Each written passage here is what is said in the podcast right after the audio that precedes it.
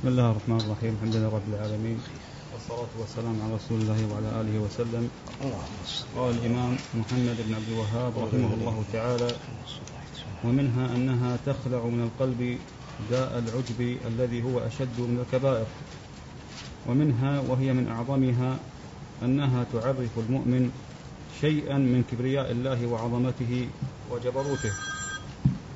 ولا يدل عليه ولو بلغ في الطاعة ما بلغ. وقد وقع في هذه الورطة كثير من العباد فمستقل ومستكثر ومنها التحذير من معارضة القدر بالرأي لقوله أرأيتك هذا الذي كرمت علي؟ وهذه بلية عظيمة لا يتخلص منها إلا من عصمه الله بكل مقل ومكثر.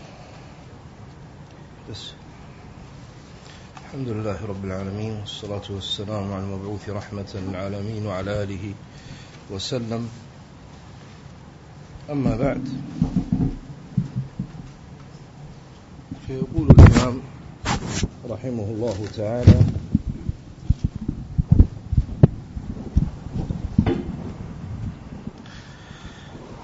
ذاكرا بعض الفوائد المستفادة من هذه القصة العظيمة فذكر أنها تخلع من القلب داء داء العجب الذي هو أشد من الكبائر وتقدم الكلام على ذلك. فناسب بعد ذكر العجب والذي يورد من يبلى به المهالك أن يذكر شيئا مما اختص الله جل وعلا به من الصفة التي لا يجوز أن ينازع إياها ألا وهي أن الله تبارك وتعالى له الكبرياء في السماوات والأرض سبحانه وتعالى. فالكبر ليس صفة مدح ولا صفة كمال إلا لمستحقها وهو الرب جل وعلا.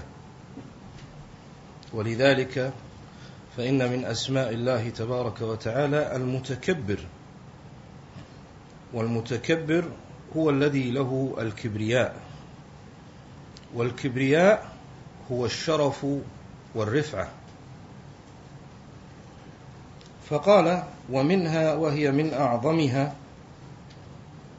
وأنتم تسمعون الإمام رحمه الله كلما جاء على بعض الفوائد يستعظمها فيعبر بهذه العبارة من أعظمها ثم يكرر في فوائد من أعظمها من أعظمها فيكاد أن وهذا دال على تعظيمه رحمه الله تعالى للفوائد المستنبطة ودال على أنه يريد النصح وأن ينفع الناس. يقول وهي من أعظمها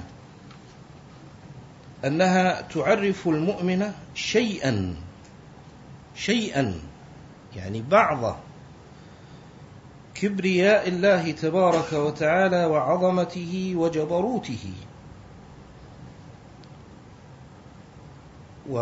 وهذا الأمر الذي ذكره رحمه الله تعالى قد جاء في الأحاديث كما في مسلم أن النبي صلى الله عليه وسلم قال أن الكبرياء رداؤه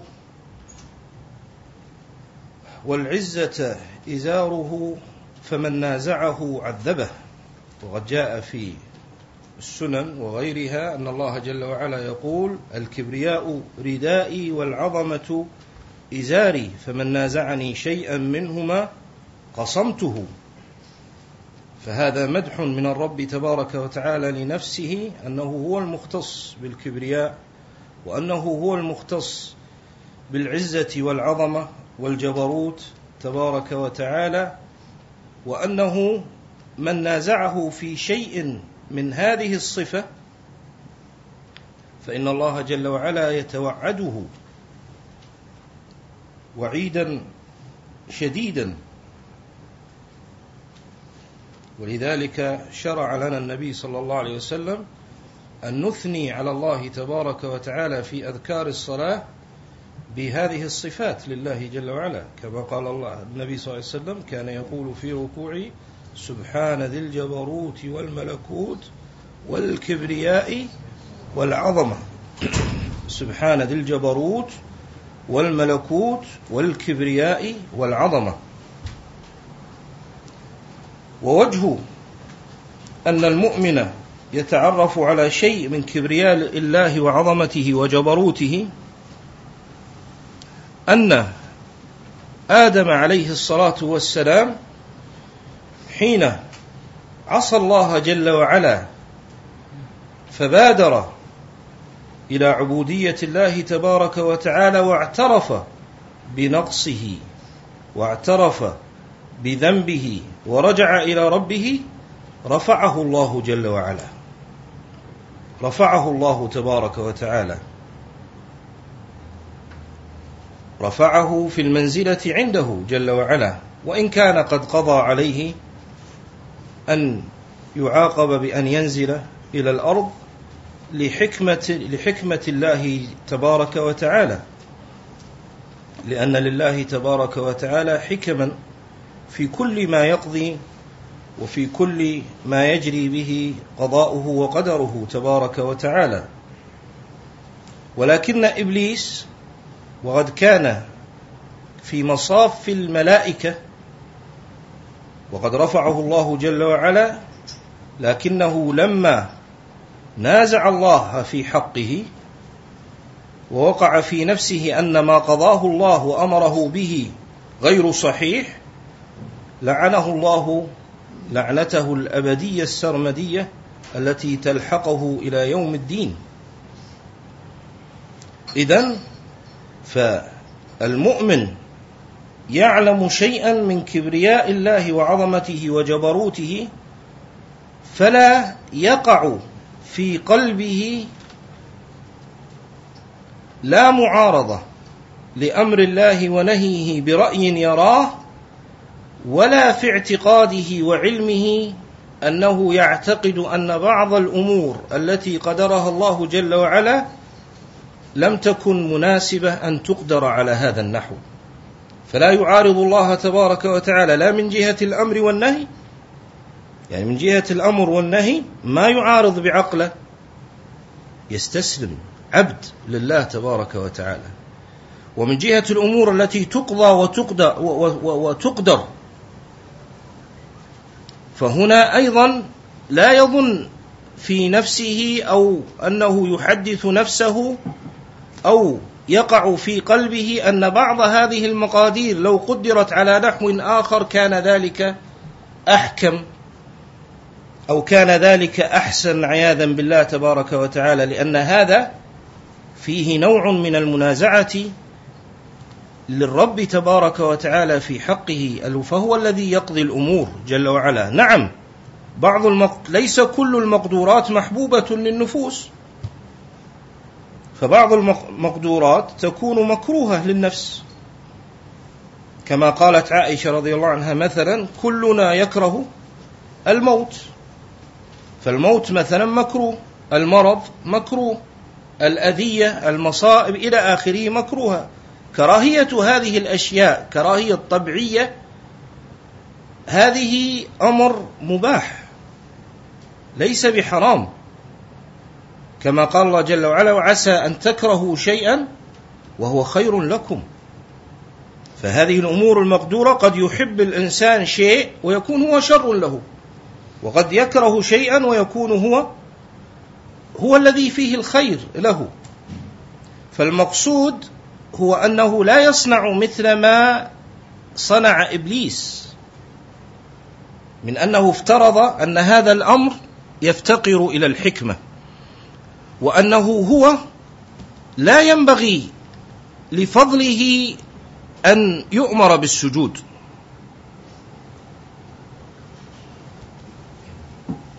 كما سيأتي حين يقول أرأيتك هذا الذي كرمت عليه اذا فعلى الإنسان أن يعلم أن كل ما يقضى ويقدر هو بحكمة الله جل وعلا وأن كل شيء هو خاضع لملك الله عز وجل وملكه وجبروته فيكون مؤدبا مع ربه إذا صح التعبير. كما سيأتي من قول الإمام رحم الإمام رحمه الله تأدب المؤمن. فهنا يعني ينبغي أن الإنسان إذا قضي أمر انتهى. ليس له أن يتصور أو أن يزور في نفسه أن هذا المقدور كان من الممكن أن يقع أمثل مما وقع. فإن هذا فيه منازعة لحق الله جل وعلا. فإن هذا فيه منازعة لحق الله تبارك وتعالى. فقال رحمه الله ولا يدل عليه ولو بلغ في الطاعة ما بلغ. يعني أنه لا يظن أنه بمنزلته ينبغي أن يصنع معه كذا وكذا. من جهة ربه تبارك وتعالى فبدلا من أن يكون محكوما بمقادير الله مستسلما لها يكون حاكما على الله تبارك وتعالى. لماذا؟ لأنه يجد أن بينه وبين الله جل وعلا إيمان وأن عنده في الله رغبة ومنه لله حب ومنه إلى الله عز وجل ذل وتمسك بدين الله عز وجل فيقع في نفسه أنه ينبغي أن يصنع به كذا أو كذا. فهذا إنما يقع فيه كما قال الإمام رحمه الله وقد وقع في هذه الورطة كثير من العباد فمستقل ومستكثر. وهذا فيه فقه عظيم لأنه نص على العباد أي الذين يعبدون الله تبارك وتعالى من غير علم وبصيرة. فيستدرجهم الشيطان حتى يوقعهم في مثل هذه الأشياء. يجعلهم ينسلخون من الدين وهم يظنون أنهم محسنين. لأن الله تبارك وتعالى ليس أصلا هناك حق عليه واجب. إلا ما أوجبه تبارك وتعالى على نفسه. فليس عليه فليس عليه حق واجب وليس سعي لديه ضائع إن عذبوا فبعدله وإن كرموا فبفضله وهو الكريم الواسع. فالله جل وعلا لا يوجد لأحد من العباد حق عليه. إلا ما أحقه هو سبحانه وتعالى تكرما وفضلا وإحسانا ورحمة فيكتب على نفسه حق من كرمه وكماله جل وعلا. فإذا عبد العبد ربه تبارك وتعالى ثم يريد من الله جل وعلا لا إرادة السائل ولا إرادة المتضرع ولا إرادة الداعي لكنه يريد من الله جل وعلا وكأنه حق على الله أن يفعل به لأني قد فعلت لك كذا وكذا وكذا وكذا. هذه المقايضة غير واردة عند المؤمنين الذين يعرفون الله ويعرفون حقوقه فإنهم كلما اجتهدوا علموا أنهم في حق الله تبارك وتعالى مقصرين. وكلما أحسنوا علموا أن فضل الله أوسع من أعمالهم ومن كل وبل يعلمون علم اليقين أنهم لو جوزوا ببعض سيء أعمالهم لعذبوا. إن استطعت أن تعمل لله بالرضا مع اليقين فافعل وإلا فإن في الصبر على ما تكره خيرا كثيرا. لو عذب الله أهل سماواته وأهل أرضه لعذبهم وهو غير ظالم لهم.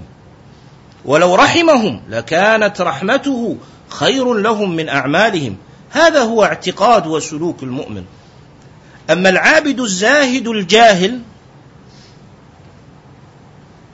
فحسبه فحسبه من النقص شيئين إن لم يبتلى بمثل هذه الآفة. العابد الزاهد الجاهل وأنا لا نحن لا نتكلم عن العابد الزاهد الجاهل الذي هو من جنس الفلاسفة أو الزنادقة أو نحوهم. لا نحن نتكلم عن إنسان يتعبد لله فقط مع نقص في العلم أو من غير علم. نقص بليغ في العلم ما يكون على البصيرة الكافية. التي تنقذه بإذن الله من مثل هذه الورطات. فأقول حسب العابد الجاهل الزاهد أنه يقع في سيئتين غير أو نقصين غير هذا المدرج الشرير الذي يقع فيه كما قال الإمام كثير من العباد فمستقل ومستكثر. أحدهما الغفلة. فإن الذين يتعبدون من غير بصيرة يغلب على بعضهم نوع من الغفلة لا تليق بأهل الإيمان الذين ينبغي أن يجاهدوا في سبيل الله ويقيموا شريعة الله تبارك وتعالى. فيكثر فيهم الغفلة والوهم والخطأ ونحو ذلك. والأمر الثاني الذي يقع فيه بعض العباد أيضا أنهم يقعون في بعض الاختيارات بجهلهم يجدون فيها راحة نفوسهم ولا تكون هي المثال الفاضل الذي يجب على المؤمن أن يتعبد لله عز وجل به. فالمقصود أن العبادة الإيمان والعلم كما قال الله جل وعلا يرفع الله الذين آمنوا منكم والذين أوتوا العلم درجات. فإحنا عندنا أهل إيمان الذين هم أهل التعبد وأهل العلم. أهل الإيمان في أهل السنة من العباد لا يعني أنهم على غير علم بل الله جل وعلا إنما مدح أنبياءه بأنهم أولي الأيدي والأبصار. فهم أولي الأعمال الصالحة وأولي العلوم النافعة. فعندهم قدر من العلم لا بد منه. لكن قصار الأمر أنهم ليسوا علماء. أو أنهم أو أن غيرهم قد كفاهم مؤنة العلم. فهذه هي النماذج الموجودة في زمن السلف الصالح. ومقصودنا طبعا بالعلم العلم الواجب الذي هو البصيرة الواجبة على كل مسلم وليس مقصودنا التبحر في العلم الذي هو نافلة ومستحب والذي يختص به بعض الناس. فإن هناك قدر لأن المتعلم لابد أن المسلم يكون متعلم. ما في عندنا مسلم غير متعلم. النبي صلى الله عليه وسلم لعن الله النبي صلى الله عليه وسلم قال الدنيا ملعونة ملعون ما فيها إلا ذكر الله وما والاه وعالم أو متعلم. فما يصح يقول لا أنا بس أريد العبادة ما أريد شيء من العلم. طيب كيف تعبد الله عز وجل؟ كيف تعرف الله عز وجل؟ تعرف حق الله سبحانه وتعالى. ولذلك جاء يعني في الحديث المشهور حديث أبي هريرة الذي يناسب ذكره هنا وهو أنه يعني ذكر النبي صلى الله عليه وسلم رجلين ممن كان قبلنا أحدهما مقيم على معصية الله تبارك وتعالى وآخر مقيم على طاعة الله تبارك وتعالى فكان الذي المطيع ينكر على العاصي ويشدد عليه في الإنكار ويعيد عليه وذاك العاصي يقول إليك عني هل أرسلت علي حفيظا أو كنت علي وكيلا؟ حتى كان يوم من الأيام فهذا المطيع لله تبارك وتعالى وهذا الرجل الآخر يعصي الله تبارك وتعالى. والحديث سياقه يفيد أنه مقيم على المعصية. فجاء في يوم من الأيام فغضب. فإما أن يكون قد غضب لله لكنه لم يلجم هذا الغضب لله بقيد الشرع والعلم وهذا يدلنا على أهمية أن تقيد ما يسمى اليوم بالعواطف أو المشاعر أو حتى لو كانت مشاعر فاضلة غضب لله تقيد بقيد العبودية والشرع. لا تقيد بأن تطلق هكذا من غير بصيرة ومن غير يعني التمسك بأحكام الله تبارك وتعالى.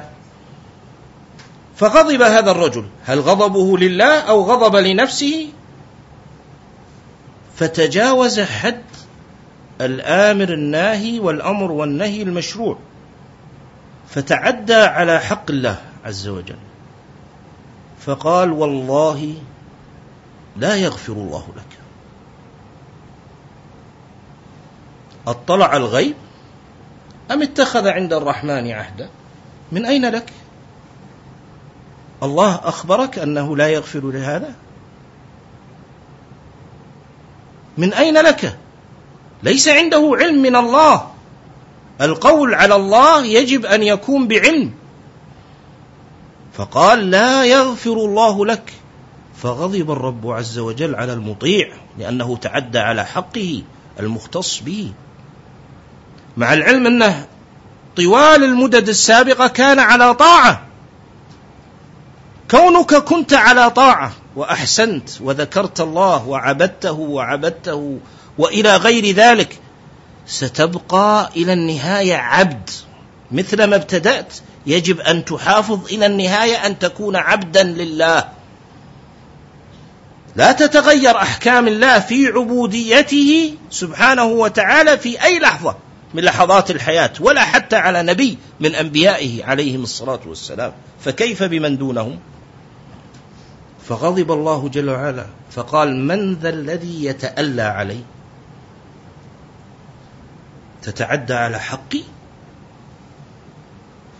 غفرت له وأحبطت عملك. وهذا بحكمته وبعدله سبحانه. هذا بحكمته وبعدله فعلى العبد المطيع لله سبحانه وتعالى أن يعرف حدود نفسه. وأن يعرف حدود نفسه في حق الناس. كونك على تقوى كونك على علم كونك على إيمان ما يعني أنك تستطيل في عباد الله جل وعلا تضللهم أو تفسقهم أو تبدعهم أو تكفرهم أو تطلق الإطلاقات هكذا في أحكام الله فيهم تبعا لهوى نفسك لا امضاء لحكم الله فيهم.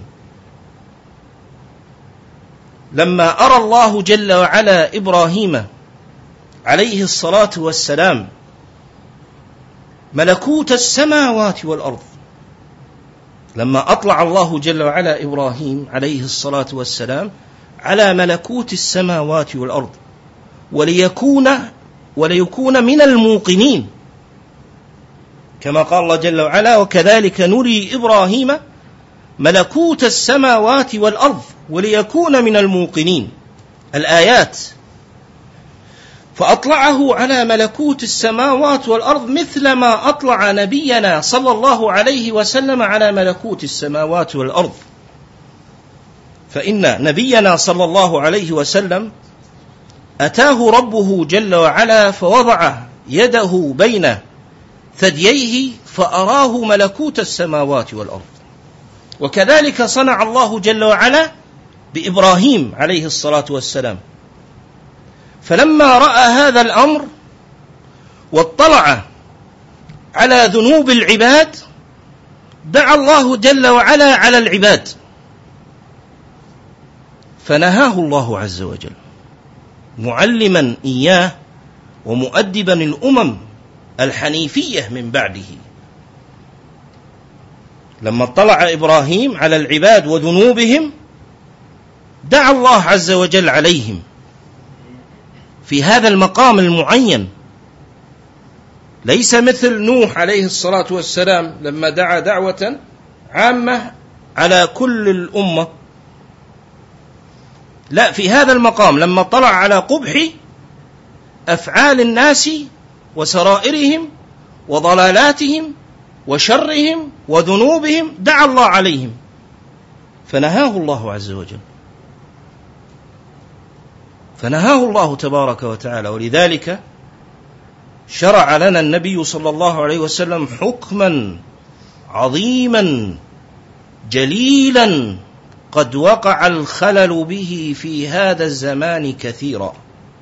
فقال صلى الله عليه وآله وسلم إذا رأيتم الرجل يقول قد هلك الناس فهو أهلكهم.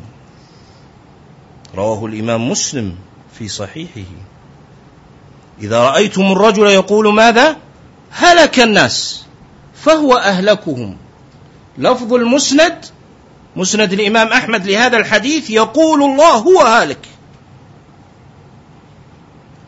لماذا؟ هذا عند أهل العلم شرحه على وجوه. منها أن هذا الإطلاق حكم يتضمن أمر غيبي ليس من حقه أن يتعدى فيه. وقد حمله بعض أهل العلم على أن في ذلك إزراء على الناس وعجب بنفسه. وعلى كلا الوجهين أو التفسيرين يحسن الاستشهاد به فيما نحن بصدده هنا. فهذا الرجل قال الله جل وعلا من ذا الذي يتألى علي؟ فغفر لهذا العاصي. وعذب هذا المطيع. إذا فرحم الله امرئا شغلته عيوبه عن عيوب الناس وأقبل على نفسه وصار رحيما بالناس هاديا لهم امرا إياهم بالمعروف ناهيا إياهم عن المنكر منكرا للبدع بكل قوة كما كان عليه السلف الصالح إرادة لإظهار الحق وإقامة حجة الله وهداية المخلوقين. لا تحملنك هذه المعاني العظيمة الصادقة على أن تتخاذل أو أن تنكسر أو إذا وجدت من قلبك رقة إيمان أن تصير مع الذين يهاجدون الشر والبدع وأهلها. بل كن اسدا وكن شجاعا فجاهد وقاتل في سبيل الله تبارك وتعالى وأنت رحيم بخلق الله فإن الأمران يجتمعان في السنة ولا يجتمعان إلا في السنة.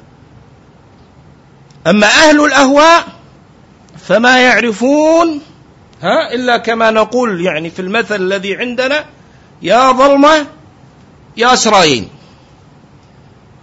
يا إفراط يا تفريط. يا يصير مع الحدادية وأتباع فالح يا الآن تجده مع يعني مع الجهة الأخرى المحرفين للدين لدين الله تبارك وتعالى. فأما السنة فهي تجمع الحق والخير والفضل من كل أطرافه لأنها الدين الحق الذي شرعه الله لعباده. فقلوب أهلها رقيقة لكن رقة أهل السنة لا رقة أهل البدع والضلال الذين تنهمر دموعهم كثيرا وقلوبهم قاسية على أمة النبي صلى الله عليه وسلم. كما قال الإمام مالك بن مغول رحمه الله إذا وقع الرجل في بدعة غل قلبه على المسلمين. فالمقصود أن العبادة وحدها خاصة كما نص أهل العلم رحمهم الله تعالى على أنه في الأزمنة التي يكثر فيها الجهل وتكثر فيها الشبه وتكثر فيها البدع فإن تأكد البصيرة في الدين والعلم تتأكد زيادة وزيادة لأنه يحتاج إليها أكثر وأكثر.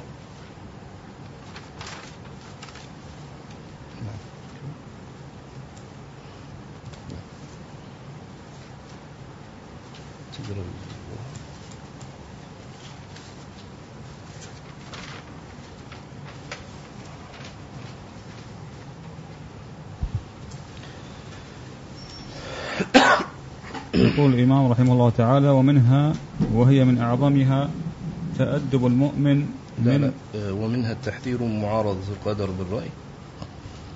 من أول؟ هذه ما تكلمنا عليها. أنت قريتها؟ أيوة. طيب. أحب تقراها مرة ثانية عشان أعلق عليها.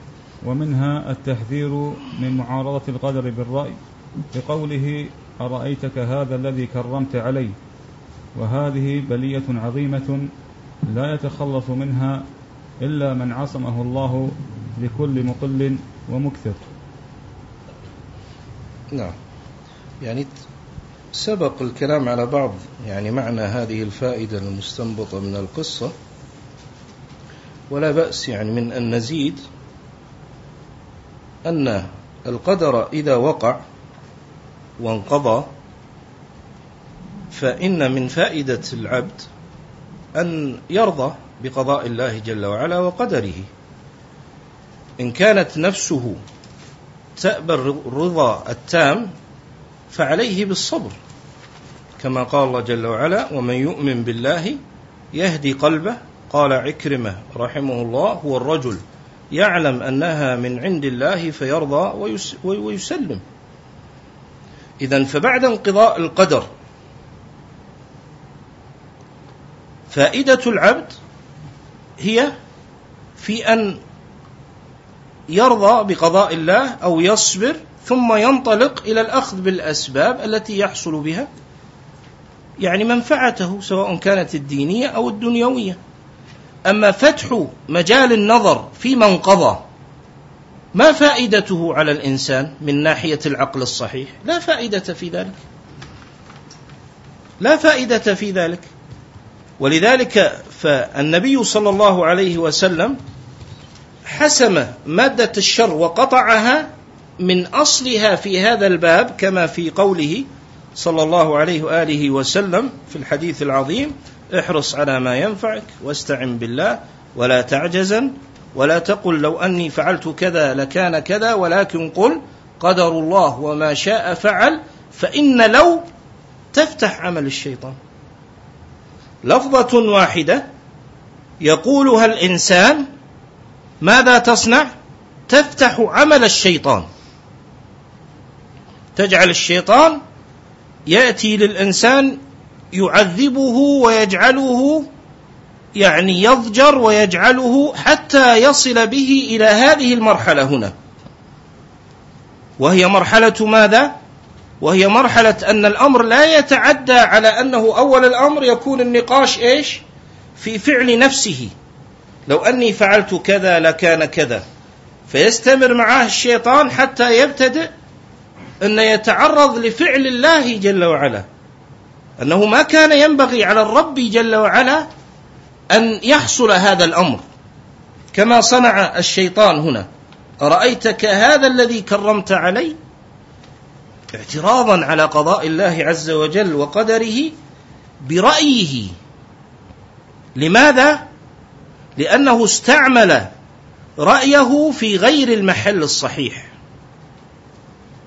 إن من أعظم نعمة الله تبارك وتعالى على عبده أن يستعمل رأيه وعقله في الموضع الصحيح بالطريقة الصحيحة. من وفق إلى ذلك فقد وفق إلى جماع الخير. المشكلة تكمن حين يستعمل الإنسان رأيه إما في غير الموضع الصحيح أو بطريقة غير صحيحة. فهذا الذي يورثه ماذا؟ يورثه الشر في دينه أو دنياه. كم مضى طيب.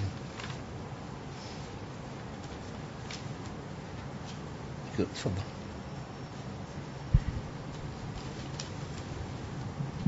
وقال الإمام رحمه الله تعالى ومنها وهي من أعظمها تأدب المؤمن من معارضة أمر الله ورسوله بالرأي كما استدل بها السلف على هذا الأمر ولا يتخلص من هذا إلا من سبقت له من الله الحسنى.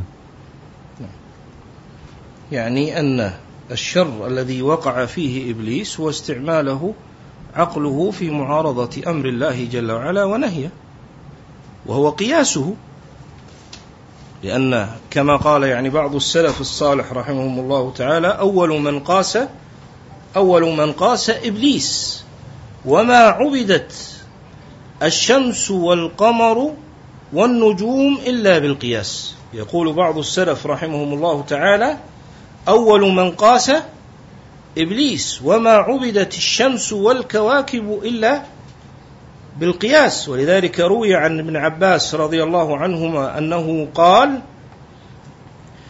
من بنى دينه على القياس ما زال أمره في التباس. طاعنا في الإعوجاج ضاع ضالعا أو كذا عن المنهاج. فالمقصود أن إبليس هنا آفته استعماله القياس والقياس نوع من الرأي. القياس نوع من الرأي لأن الرأي يقابله ماذا؟ الوحي. عندك وحي وعندك وعندك رأي. شيئان متقابلان. في وحي وفي رأي. مثل ما نقول هناك عقل وهناك هوى. هناك عقل يقابله ماذا؟ الهوى. الهوى يعارض العقل الصحيح. كما أن الوحي يعارضه الرأي الباطل.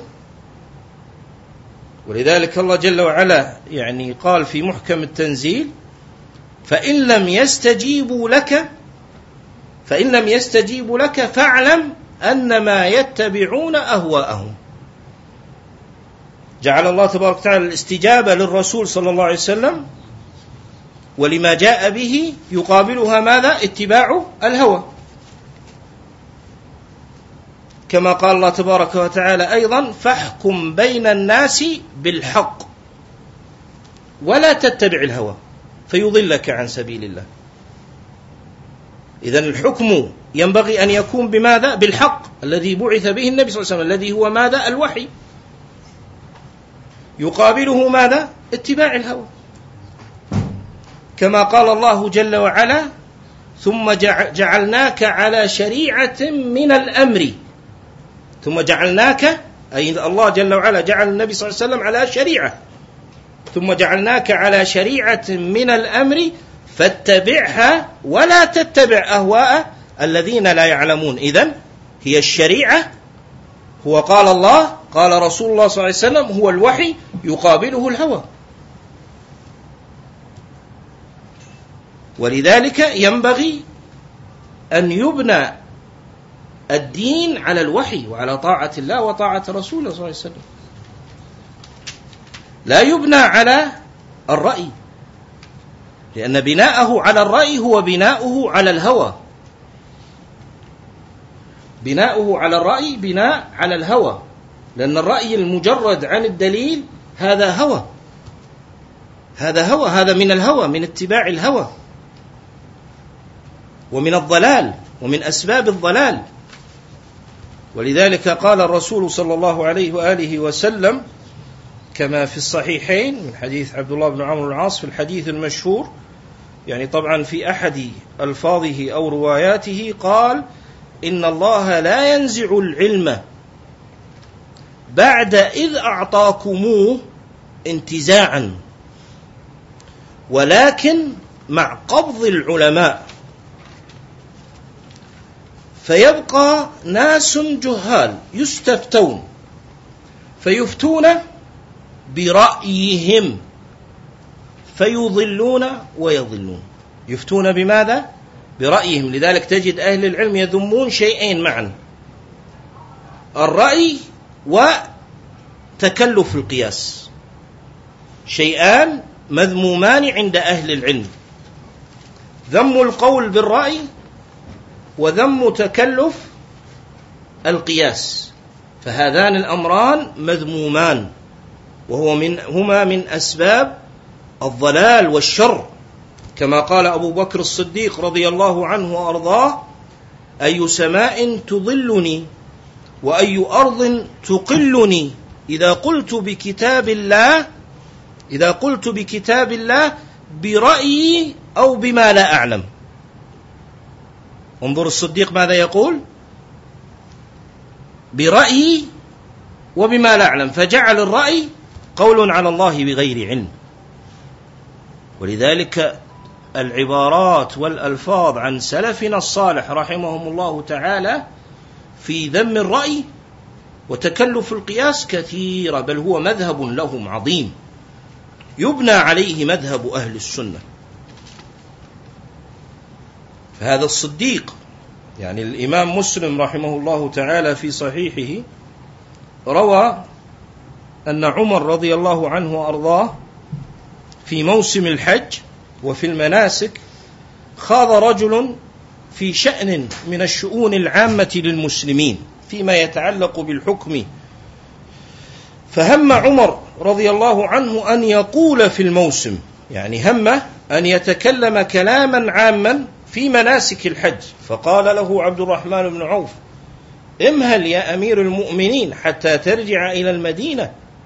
منبع منبع العلم وموضع خيار أهل العلم والأنصار والمهاجرين. فتتكلم هناك. فأمهل رضي الله عنه حتى جاء إلى المدينة ثم كلم أهل الحل والعقد أهل العلم في هذه المسألة. هكذا كان هدي الناس في زمن أصحاب النبي صلى الله عليه وسلم. ولذلك النبي صلى الله عليه وسلم جعل من عناوين نقص العلم وفشو الجهل وكثرة الشر أن يتكلم في الشؤون العامة من لا يكون من أهل العلم أو لا يكون من أهل الحل والعقد المعتبرين. كما في بعض الأحاديث الصحيحة عن النبي صلى الله عليه وسلم قال تكون سنين خداعات يخون فيها الأمين ويصدق فيها الكاذب وتنطق فيها الرويبضة.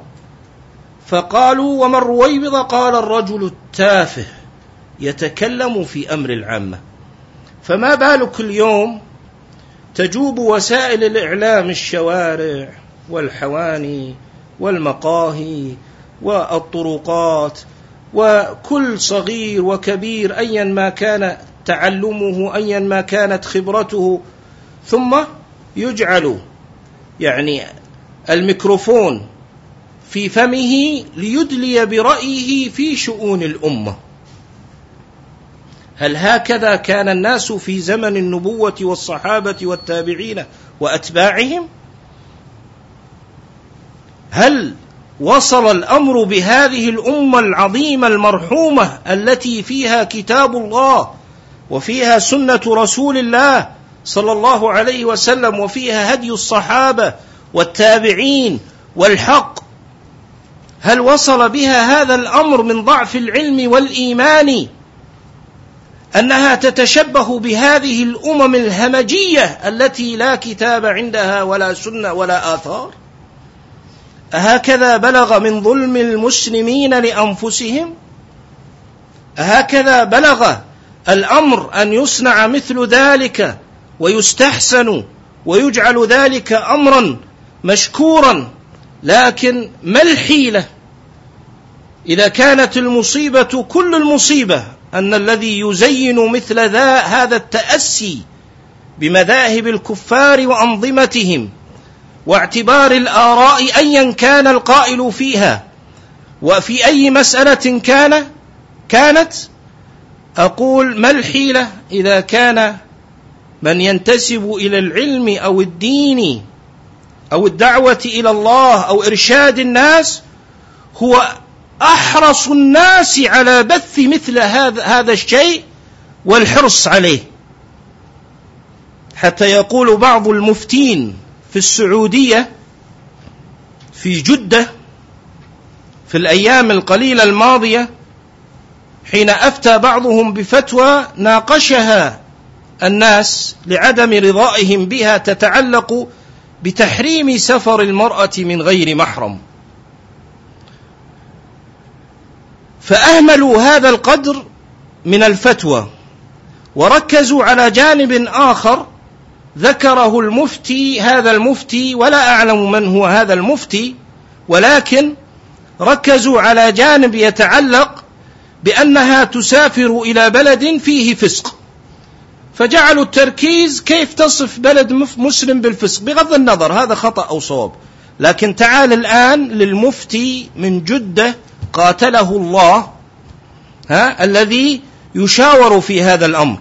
قال يعني ينبغي أن يعطى هذا المفتي حقه في إبداء رأيه وكل أحد له الحق في إبداء رأيه. ينبغي أن لا تضيق صدورنا بالرأي والرأي الآخر. ينبغي أن نرفع سقف الحريات وأن نقرب من الديمقراطية. يقول هذا وين؟ في داخل السعودية وهو يتكلم باسم العلم والدين. فإذا كان من يرجى منه إصلاح الناس بإرجاعهم إلى ما كان عليه الناس من الإيمان والعلم والعمل هم أشد الناس إفسادا للناس في هذه الأبواب. فهذا يدلك على خطر أهل البدع والأهواء وأنهم هم بآرائهم يسارعون كما قال الزهري رحمه الله تعالى ما معناه كانت اليهود والنصارى أمرها قائم فوجد فيهم أقوام يقيسون الأمور بآرائهم فضلوا وأضلوا. فما جرى في أمة اليهود والنصارى من قبل من القول بالرأي المجرد عن الدليل بل المخالف للدليل استشرى في أمة النبي صلى الله عليه وسلم أمة العلم أمة الكتاب أمة السنة أمة الحق أمة الآثار أمة الصحابة. استشرت هذه الأمراض في من يزعم الإصلاح بشكل سافر وكثير. فهذا يوقفك على ما ينبغي على المسلم والمسلم اليوم من الرجوع إلى الأمر الأول والتمسك بالحق القديم ونسأل الله تبارك وتعالى بأسمائه الحسنى وصفاته العلى أن يرجعنا إلى ما كان عليه النبي صلى الله عليه وسلم وأصحابه ظاهرا وباطنا في العلم والإيمان والعمل والحكم وفي كل شيء وأن يصلح أحوالنا وأحوال المسلمين. هذا والله أعلم. صلى الله وسلم على محمد.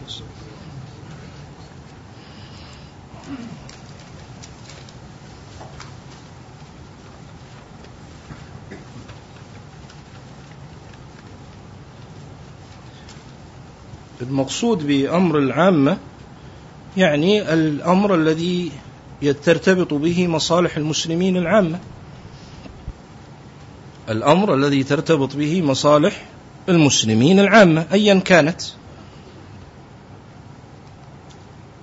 وخاصة ما يختص بعمل ولاة الأمر الذي لا يجوز أن ينازعوا إياه لأن هذا يفضي إلى الفوضى وإلى الفتن وإلى الشرور وإلى غير ذلك.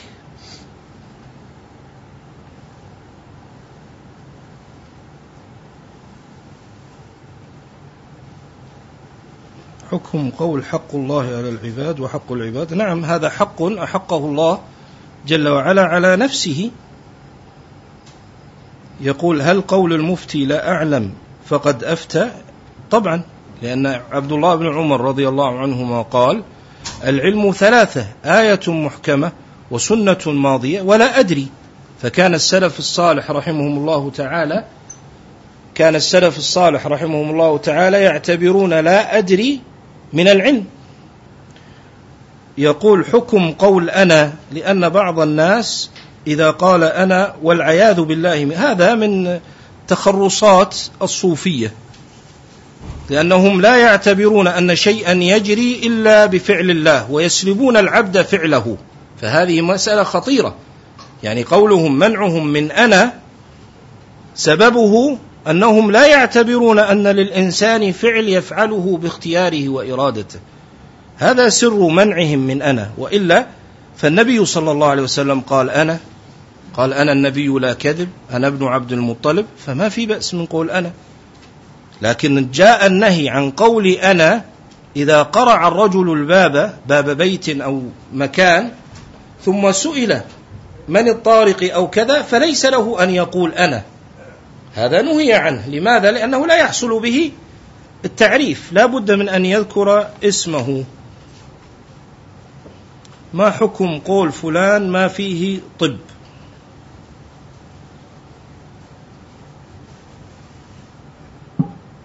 ما أدري. وما حكم قول أن فلان مخ... لا أعوذ بالله هذه وما حكم قول أن فلان مختوم على قلبه؟ لا ما يجوز. القلوب السرائر ما يعلمها إلا الله سبحانه وتعالى. النبي صلى الله عليه وسلم قال هل شققت عن صدره أو عن قلبه؟ قال لأسامة فلا يعلم السر إلا الله تبارك وتعالى ولا يعلم ما في القلوب إلا الله جل وعلا. إنما علينا بالظاهر. فقط.